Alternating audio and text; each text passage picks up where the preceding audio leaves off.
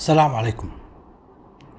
الإيمان شيء جميل شيء جميل أن الإنسان يؤمن برب رحيم غفور عادل كريم شيء جدا جميل. ولكن للأسف الشديد كلما زاد المؤمن تدين بحيث يترك خانة الإيمان ويتجه إلى التدين كلما ساءت أخلاقه. هذا الشيء ممكن تعرفه عن أي إنسان التي يكون ملازمة لأي كلام له صلى الله عليه وسلم.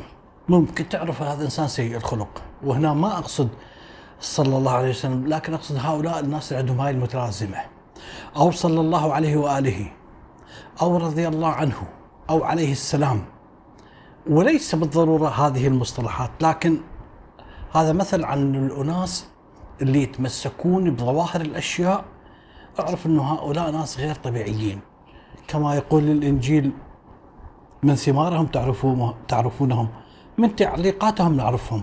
ولا أقصد باليوتيوب بالتحديد بل سابقا بالفيسبوك عندما كنت أنشر منشورات. فتجد هؤلاء الجماعة صلى الله عليه وسلم وجماعة صلى الله عليه وآله بغيضين بغيضين إلى درجة ما كنت أتصورها ما كنت أعرفها قبل العالم الافتراضي. تعليقات سواء بالفيس أو الغالبية العظمى بالفيس وحتى باليوتيوب وغيرها. هؤلاء يعني عندهم روح سخرية وتهكم وسباب وشتائم. المفروض ما يعني ما تتوالم أو ولا تتوائم مع الإيمان برب رحيم غفور مع دين يدعو إلى المحبة والتسامح والأخاء بين البشرية يدعو إلى بالتي هي أحسن. يدعو إلى آه، أن البشر كلهم أخوة. ما تتوائم أبدا.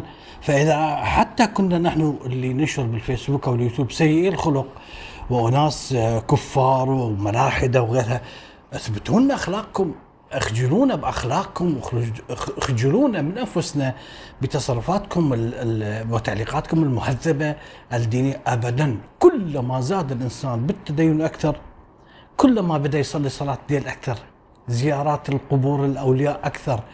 أه تحفظ آيات قرآنية أكثر. كلما انقلب يا سبحان الله ارتد ارتد العكس. وإذا بي كراهية وبغضاء وإذا بي أه لا يعترف بالآخر وإذا بيروح سخرية وتهكم وإذا بيبدا يخاف عن الرب. الحقيقة يعني الإنسان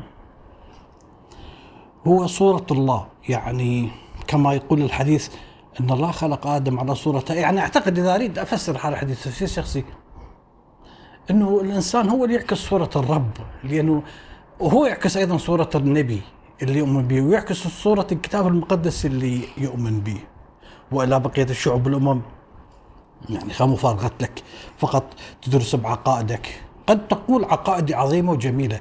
لكن أنت انعكاس لهذه العقائد. فبالتالي إذا أخلاقك سيئة تعليقاتك سيئة إذا تكفر بالناس وإذا عندك كراهية كل شيء فأنت صورة الله أنت راح تكره الناس بالله وبرسولك وبكتابك المقدس.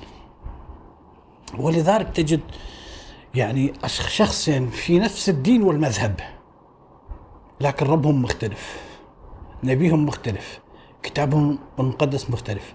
قد تجد اثنين سلفية ربهم ما يشابه. واحد سلفي عنده رب دموي رب مشبع بالكراهية ونفس السلفي الآخر عنده رب رحيم غفور كريم عطوف رحيم إلى آخره. شيعي شيعي آخر من نفس المذهب من نفس الدين. شيعي عنده ربه كل همه إنه بس يطم على الحسين. وما يعترف بالاخر ويسخر من الآخر ويكفر بالاخر ولا شيعي عنده ربه غفور رحيم عظيم يسع البشرية بأكملها. اذا أنت صورة لربك. أنت يا إنسان صورة لنبيك صورة لكتابك المقدس صورة لأوليائك. فإذا كنت إنسان تصرفاتك سيئة راح تنعكس على على كل مقدساتك. فتجد إنه الإنسان لربما هو اللي يخلق ربه أو هو الذي يجد ربه على هيئته يعني ما أعرف. يعني بإمكانك بنفس اللحظة أن يكون نبيك محمد القتال الضحاك وأن نفس اللحظة يكون نبيك محمد الرحمة للعالمين. أنت اللي تقرر موجود الاثنين أنت اللي يعجبك. يعجبك الرسول محمد بن عبد الله القتال الضحاك موجود. والآن موجود أكثر من مليار شخص يقول لك قتال ضحاك. وأيضا بنفس الوقت موجود محمد بن عبد الله نفسه رحمة للعالمين موجود أيضا. نصف مليار شخص لربما يقول لك إنه هذا رحمة للعالمين. بنفس الدين بنفس المذهب. ما أقصد أنه مذهب يقول قتال ضحك وأكو ما يوجد مذهب آخر يقول لا رحمة العالمين لا. نفس المذهب. هناك من يعتبر الله غفور رحيم وهناك في نفس المذهب جبار منتقم مشبع بالكراهية. الحقيقة حلقة اليوم عن السخرية. العفو لا حلقة اليوم عن الفيلسوف نيتشه لكن ما علاقة هذه المقدمة؟ المقدمة والله يا أخوان يعني التعليقات القديمة بالمنشورات اللي كنت أنشرها أو حتى الأشخاص الأصدقاء القدامى اللي ألتقي بهم والسخرية اللي منهم فتعرف هؤلاء كلها بسبب الدين لأنه أنت مثلا أخذت منحى فهم للدين، فهم للرب، فهم للنبي، فهم للكتاب المقدس، يختلف عن فهمهم. فتجد التعليقات الساخرة وغيرها انه انه هم اللي هم اللي يعرفون الرب. هذا الله فقط لهم نزل. الرسالة الإسلامية نزلت فقط عليهم. فهم الآيات المقدسة فقط هم. أي فهم آخر؟ لا ف يعني كان عندي صديق قديم التقيت به فبدأ يسخر من القناة يعني بشكل عام يسخر من الحلقات عن نيتشه لماذا من هو نيتشه؟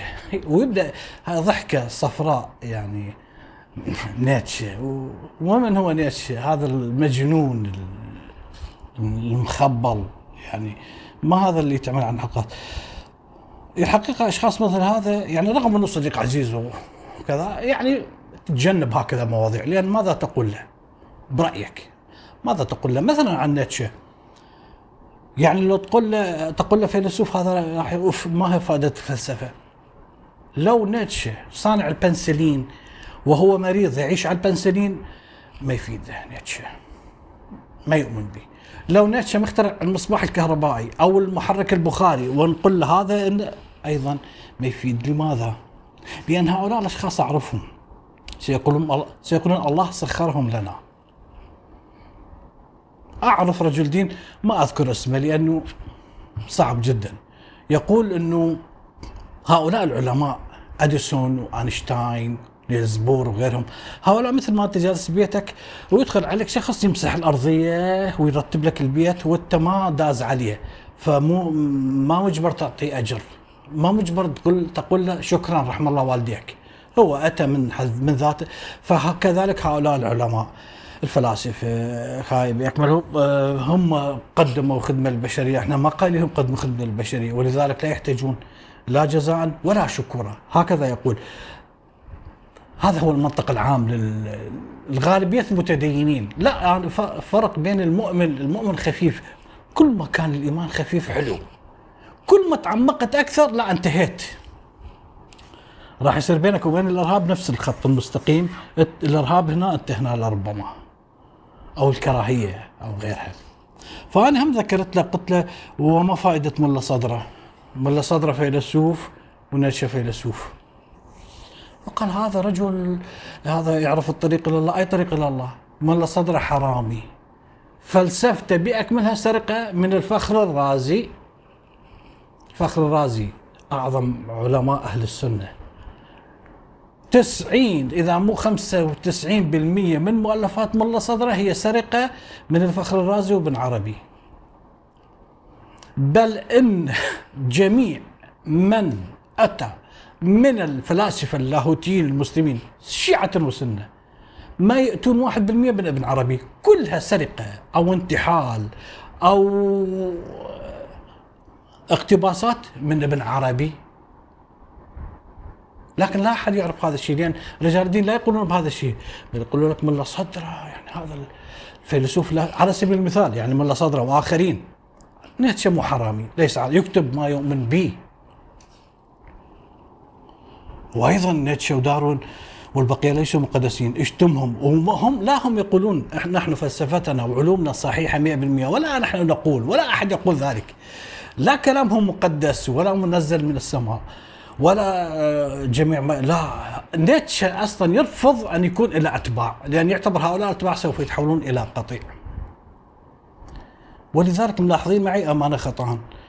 كل ما شخص يحفظ آيات قرآنية أكثر كل ما سوء أخلاقه أكثر. والعيب مو بالايات القرآنية العيب بالانغلاق بال بالجمود. العيب بأنه يتحول إلى إنسان مشبع بالكراهية وخايف على ربه وخايف على دينه. كلام صح أم خطأ؟ ويبدأ يكره الفن يكره العلم يكره ال ال ال الأديان الأخرى يكره الطوائف والملل والنحل الأخرى. ولا ما تجي السكير يكره طوائف وملل ونحل؟ خمارة واحدة تضم لك كل الأديان والمذاهب ولا أحد عنده مشكلة. لكن دور العبادة هاي حسينية. هذا مسجد وغيرها بشكل عام يعني الفلسفة التطور الثقافة هاي مو ثوبك صديقي. أنت أبقى على المراقد مع احترامي لها. هذا ثوبك وأنا هذا ثوبي.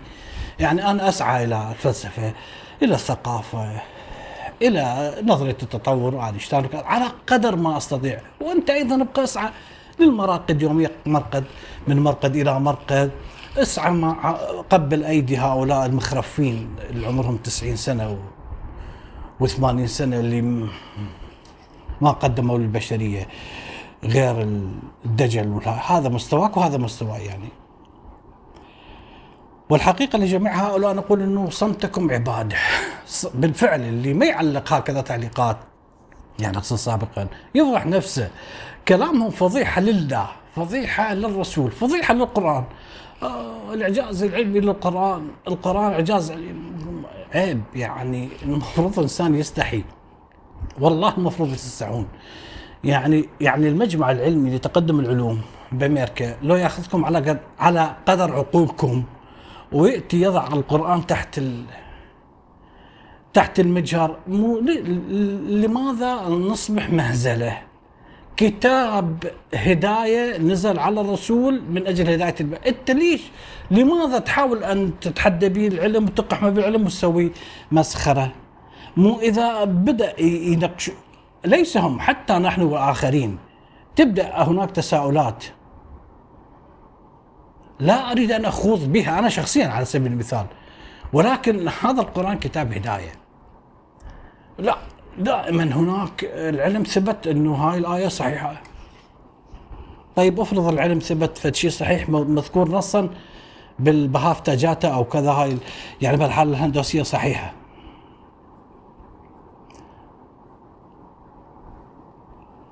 رغم كل ذلك رغم الكراهية يعني اللي بين على سبيل المثال وأبدأ أنهي وأدخل بحلقة اليوم. رغم الكراهية الموجودة على سبيل المثال بين السلفيين والشيعة بالله وأقسم لا يوجد أي فرق بيناتهم.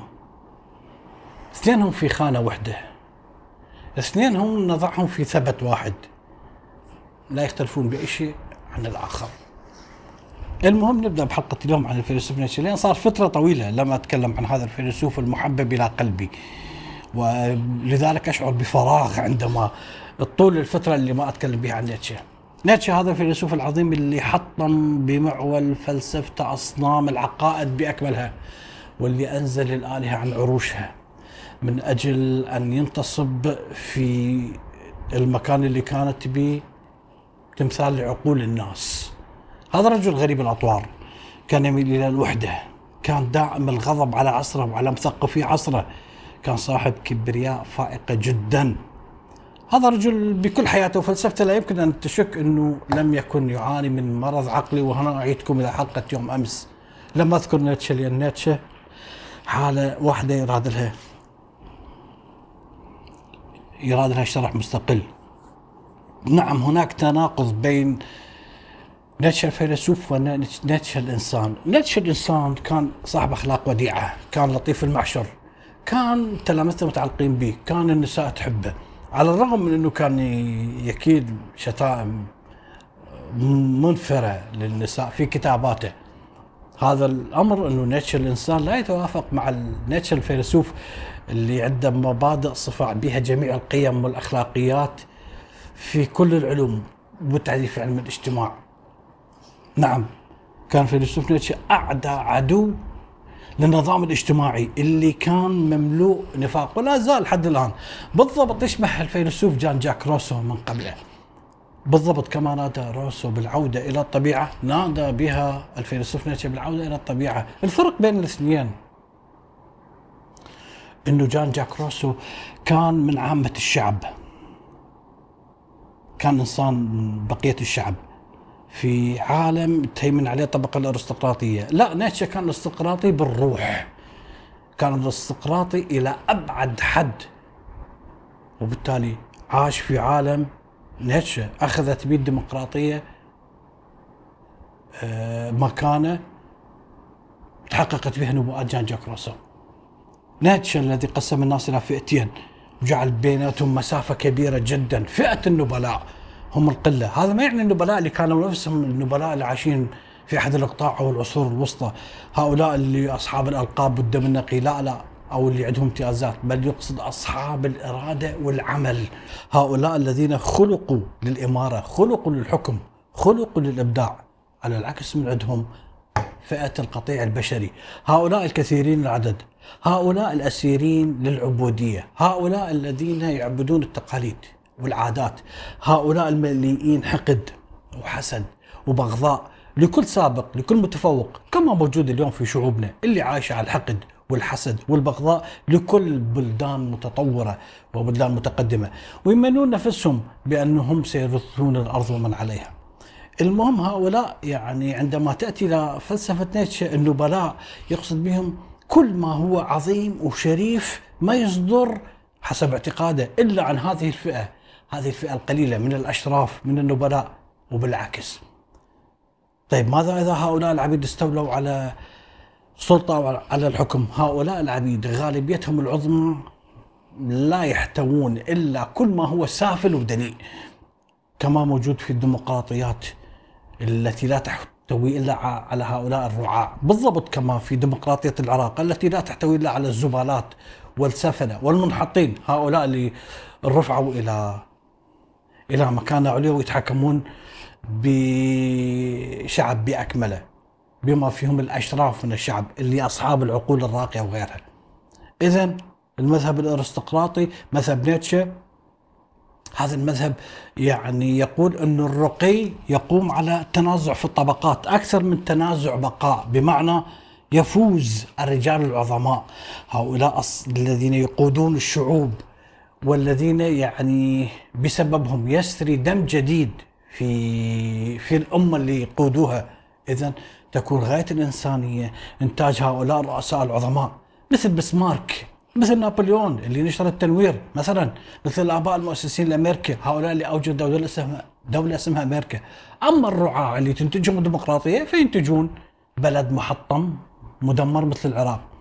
ولذلك نيتشه كان من أهم ناقدي الديمقراطية كنظام للحكم لأن هذا النظام للحكم يمكن لك الهمج والرعاع والدهماء اللي هم اسافل الناس إنهم يتحكمون في رقاب الناس. ويقصي لك الديمقراطية تقصي لك أصحاب الكفاءات والمواهب والحكمة. كل هذا عبر من؟ عبر آليات خداع وتضليل للعامة. وافساد ضمائرهم عن طريق صندوق الانتخابات. الغالبية من العظماء اناس همج. ماذا تقول لهم؟ كيف يعرفون هذا الشخص إنسان مميز؟ ما يعرفون، يعرفون شخص يسير معهم يحشد الحشود معهم يداعب غرائزهم. هذا سوف تنتخب الحشود. هذه هي النظام الديمقراطي اللي يتحدث عنه نيتشه. واللي ينقده. أيضا ينقد الفيلسوف نيتشه المنظور الليبرالي للعدالة والمساواة. حسب عرف نيتشه لا وجود في نظرة للمساواة الطبيعية بين الناس. لماذا؟ لأن الأفراد يتفاوتون في عقليتهم. الأفراد يتفاوتون في مواهبهم في قدراتهم في مستوى تفكيرهم في منازلهم الاجتماعية. فلا توجد مساواة إلا بين الأكفاء الأنداد. طيب ما هو البديل يا نيتشه البديل في الدولة الأرستقراطية التي تقوم على الفكر تقوم على الجهد والإبداع. على الفن على الثقافة على إنزال الناس منازلهم الحقة بالنهاية لا يمكن أن نستبعد كل كلام نيتشه عن الديمقراطية؟ لأن أوروبا وأمريكا والعالم المتحضر عانى كثيرا حتى وصل إلى ما وصل من هذا النظام الديمقراطي. نحن نعرف أن الألمان مثلا الديمقراطية أنتجت شخص اسمه هتلر وهكذا بالفعل الديمقراطية ليست نظام مثالي. حتى في جوانبها الموجودة الجيدة الآن في أوروبا وأمريكا وبقية دول العالم. نعم هناك سلبيات كثيرة في النظام الديمقراطي. اذا بالتالي إذا كانت الديمقراطية معناها عدم وجود طغيان عدم حكم دكتاتور عدم وجود فرد مطلق بكل ما يؤدي إلى مفسدة ودمار للشعب لكن مع ذلك الديمقراطية صحيح تبعد عنا الدكتاتوريه والدكتاتور لكن ما تضمن الكفاءة والاقتدار بالحكم؟ بالضرورة صحيح. طالما أنه صناديق الاقتراع أوصلت أناس إلى الحكم قادة شعبويين. وليس قاده بمعنى الكلمة. استغلوا آليات الديمقراطية من أجل تنفيذ توجهاتهم الاستبدادية، سياساتهم الفاشلة وشعوب باكملها دمرت بسبب هذا. عندما تأتي إلى الديمقراطية ماذا تقول الديمقراطية؟ تقول إن الذي يحكم أو الذي يكتب التاريخ هم الجماعات. الجماعات.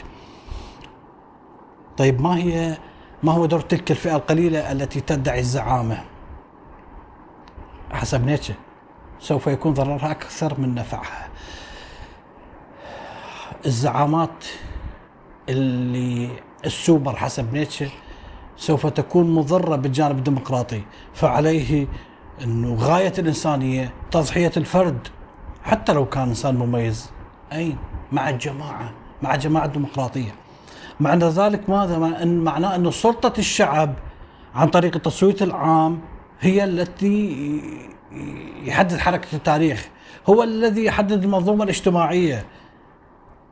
إذا لا وجود للأقلية الأقلية الأقلية النبلاء اللي يتحدث عنهم الفيلسوف نيتشه. إذا يقول الفيلسوف نيتشه أن الديمقراطية معناها انجراف. أن الديمقراطية معناها أن يسمح لكل ما في الإنسان بالانطلاق في المسرات والرغبات. أن الديمقراطية معناها انحلال التماسك وتبادل التعاون. الديمقراطية معناها تتويج الفوضى والحرية. الديمقراطية معناها أنه عبادة أوساط الناس ومقت التفوق ومقت كل نبوغ الديمقراطية حسب نيتشه معناها استحالة ظهور الرجال العظماء. النبلاء اللي يتحدث عنهم. يعني كيف يمكن لهؤلاء الرجال العظماء أن يبرزون في منظومة اجتماعية كلها غش وكاذيب وخداع وشعبوية. يقول الفيلسوف نيتشه أي فرصة تقدمها الانتخابات لأعاظم الرجال؟ الشعب يكره صاحب الروح الحرة.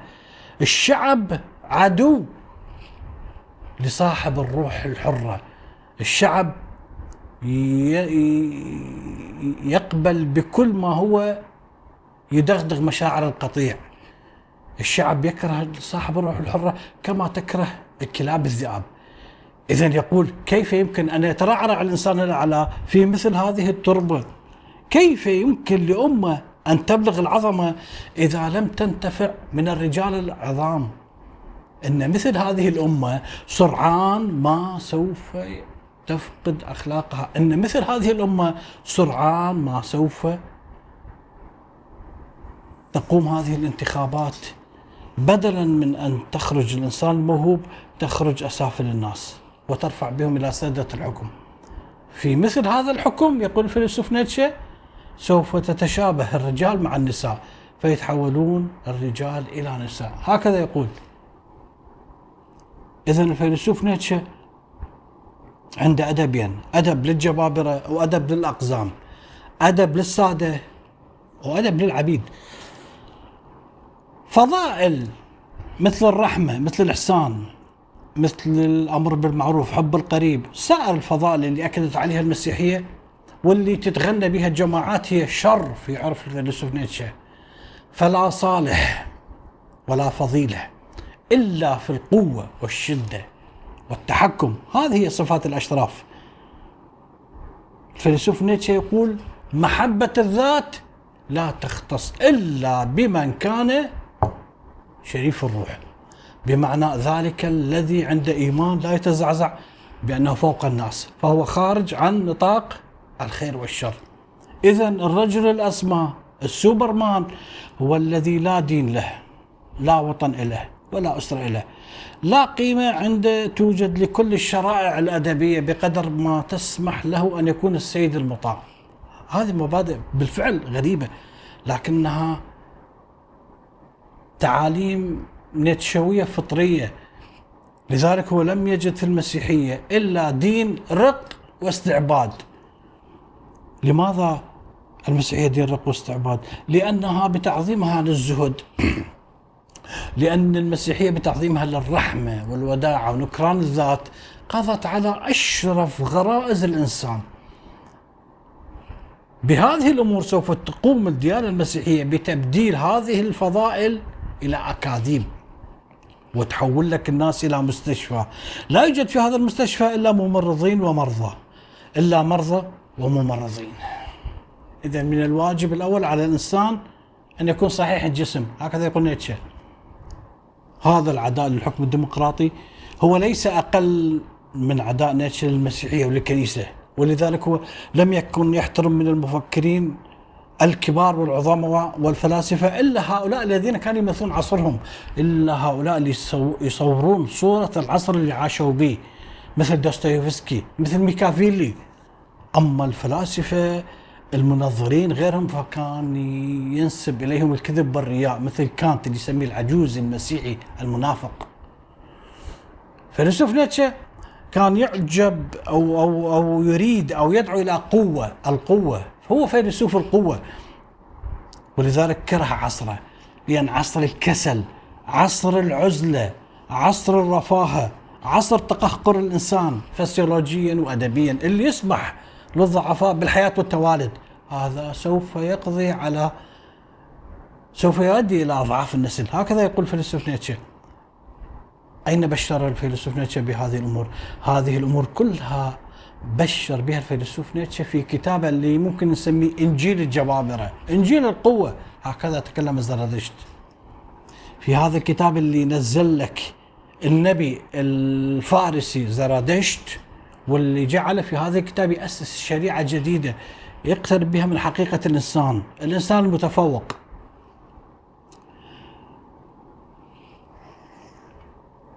النبي زرادشت هكذا تكلم زرادشت سوف يحطم كل الواح والوصايا الأنبياء اللي تأسس عليها النظام الاجتماعي، سوف يجعل الخير غير الخير، سوف يجعل الشر غير الشر، سوف يشجع على القسوة، سوف يقوم هذا النبي بالتنكر لأي شيء يدعو إلى الضعف، يدعو إلى الشفقة والرحمة، مهما يكون هذا الضعف بإصلاحه. ولذلك في هكذا تكلم استرادشت. لربما نلمس صدى لفلاسفة وعلماء آخرين. ممكن نجد أفلاطون به نعم. أفلاطون رغم أنه كان يكره الفيلسوف نيتشه أفلاطون كان يريد يأسس جمهورية. من طبقة الأشراف والنبلاء يتحكمون في هذه الجمهورية. ميكافيلي أيضا الذي كان يرى في الديانة الوثنية تمجيد للعظمة والهيبة والقوة. كلهم تقريبا موجودين إلى حد ما في فكر الفيلسوف نيتشه. ولذلك هذه القسوة الفائقة اللي يبشر بها أو القوة اللي نسميها التي يبشر بها الفيلسوف نيتشه هذه الثورة على العادات والتقاليد والأعراف والآداب الاجتماعية التي ينادي بها الفيلسوف نيتشه موجودة عند كل الأدباء تقريبا شيلر موجودة عند بيرون عند بلزاك ستاندال. ولكن نستطيع أن نقول أنه الأب الروحي للفيلسوف نيتشه واللي موجود موجودة عند هاي القيم هو شوبنهاور. لكن مع ذلك شوبنهاور لا. لربما نستطيع أن نقول رجع القهقري لأنه لجأ في آخر حياته إلى الزهد ولقى نفسه أيضا في أحضان النيرفانا وكأنه أصبح نظير لبوذا. يعني هذا الأمر اللي ممكن يعتبره الفيلسوف نيتشه غيبوبة.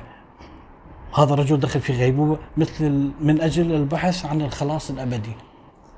إذا في كتاب هكذا تكلم زرادشت سوف تجد كراهية للكذب؟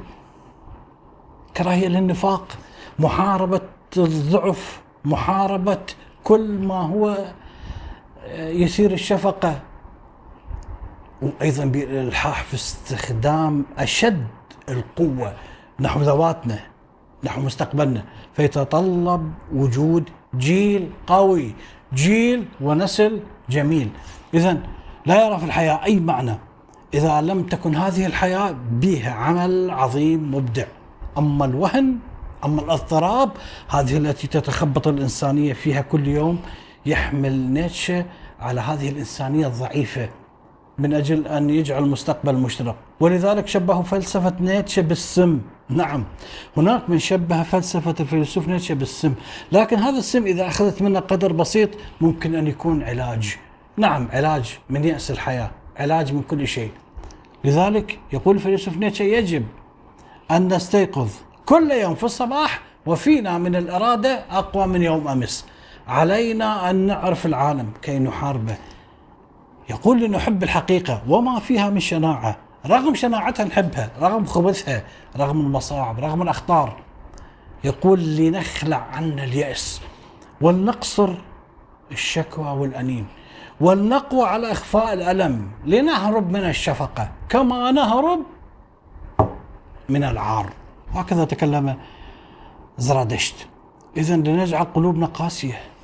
قساة قسوة الألماس.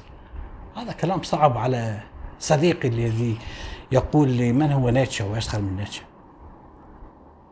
لكن مؤكد هذا العلاج أو السم سوف لم يأتي بأثره في الأجيال اللي التي أتت بعد الفيلسوف نيتشه. فبدأ الأجيال اللاحقة بعد نيتشه من ضعف ومن وهن وهؤلاء ارتكبوا آثام كثيرة. لكن الفيلسوف نيتشه ينكر هؤلاء. الفيلسوف نيتشه ينكر وجود أي تلميذ له الفيلسوف نيتشه لا يريد أتباع أبدا. يأبى أن يكون إلى أتباع. لماذا؟ لأنه سوف يدخلون يدخلون في قطاع العبيد. سوف يكونون رعاع. لا أكثر ولا أقل. وأكثر شيء يكره الفيلسوف نيتشه هم القطيع وثقافة القطيع. إذا على كل فرد أن يستقل في وجهة نظره في خبرته على كل فرد أن يختبر العالم بعيدا عن نيتشه وغير نيتشه. ولذلك الفيلسوف نيتشه ينهي عن الرحمة وبنفس الوقت يأمر بها. في هكذا تكلم زرادشت تناقضات كثيرة جدا. يمنع الألم ويمتدح مزايا الألم. نعم يكره الكتاب المقدس لما فيه من شفقة على الضعفاء وأيضا يعجب به إلى حد إلى حد كبير مثل حب الانتقام عين بعين سن بسن. نعم هذا يعتبر من آداب السادة. بينما من يلطمك على خدك الأيمن فأدر له الأيسر. لا هاي أخلاق العبيد يرفضها. وبنفس الوقت ينكر صداقة المرأة يشبهها بالهر. ما لكن مع ذلك هو يتخذها صديقة وعشيقة له وحبيبة ومع ذلك يوصي بالحب من أجل تحسين النسل وأيضا يطلب أن بنفس هذه المرأة أن تجلد بالسياط. وينهي أيضا؟ عن الواجب. ويؤمر بنفس الوقت بالطاعة. بنفس الوقت يشن حملة شعواء على الحكومات. وبنفس الوقت يقول إنه بما معناه اكرم السلطه ولو كانت عرجاء إلى آخر ما هناك. نعم من أمور لا نستطيع أن نفهمها لأن معناها الظاهر يختلف لربما عن معناها الخفي. ولذلك وأخيرا هذا الفيلسوف نيتشه يجعل من يقرأه يفكر أكثر يمشي بك إلى جبال عالية جدا إلى قمم خطيرة. هذا هو الفيلسوف نيتشه رسول القوة. نعم كان الفيلسوف نيتشه شاعر مغرم بالموسيقى صاحب أفكار عظيمة صاحب أناقة أرستقراطية. كان لطيف المعشر محبوب جدا رقيق الشعور كان محبوب من تلامذته من الآخرين أيضا. لكن ومع ذلك كان كثير الأحلام. فأتت فلسفته مشبعة لربما بالأحلام. لربما فيها خيالات كثيرة جدا. لربما هي التي أدت به إلى الجنون. والغريب أن جنونه كان مبني على هذيان الاضطهاد والعظمة. نيتشه كان يظن نفسه مو زرادشت كان يظن نفسه المسيح. المسيح وهو مصلوب على الجلجلة. هذا الإله اللي حارب بكل قوة لأنه إله الضعفاء. والمستعبدين أصبح هو غاية منى ومشتهى كان يريد أن يكون مسيح. ولذلك يقول الفيلسوف أو الكاتب أندري جيد كان نيتشه يغار من المسيح. كان نيتشه يغار من المسيح يغار إلى حد الجنون. وكان يعود إلى نيتشه وحده الفضل في اكتشاف مسيح حقيقي وأن يبعثه من جديد من كفنه. ولكن بدلا من أن ينضوي نيتشه تحت لواء من يتفوق تعليمه على تعليمه اعتقد بأنه يكبر إذا ما جابهه. انتهت حلقة اليوم. شكرا لكم.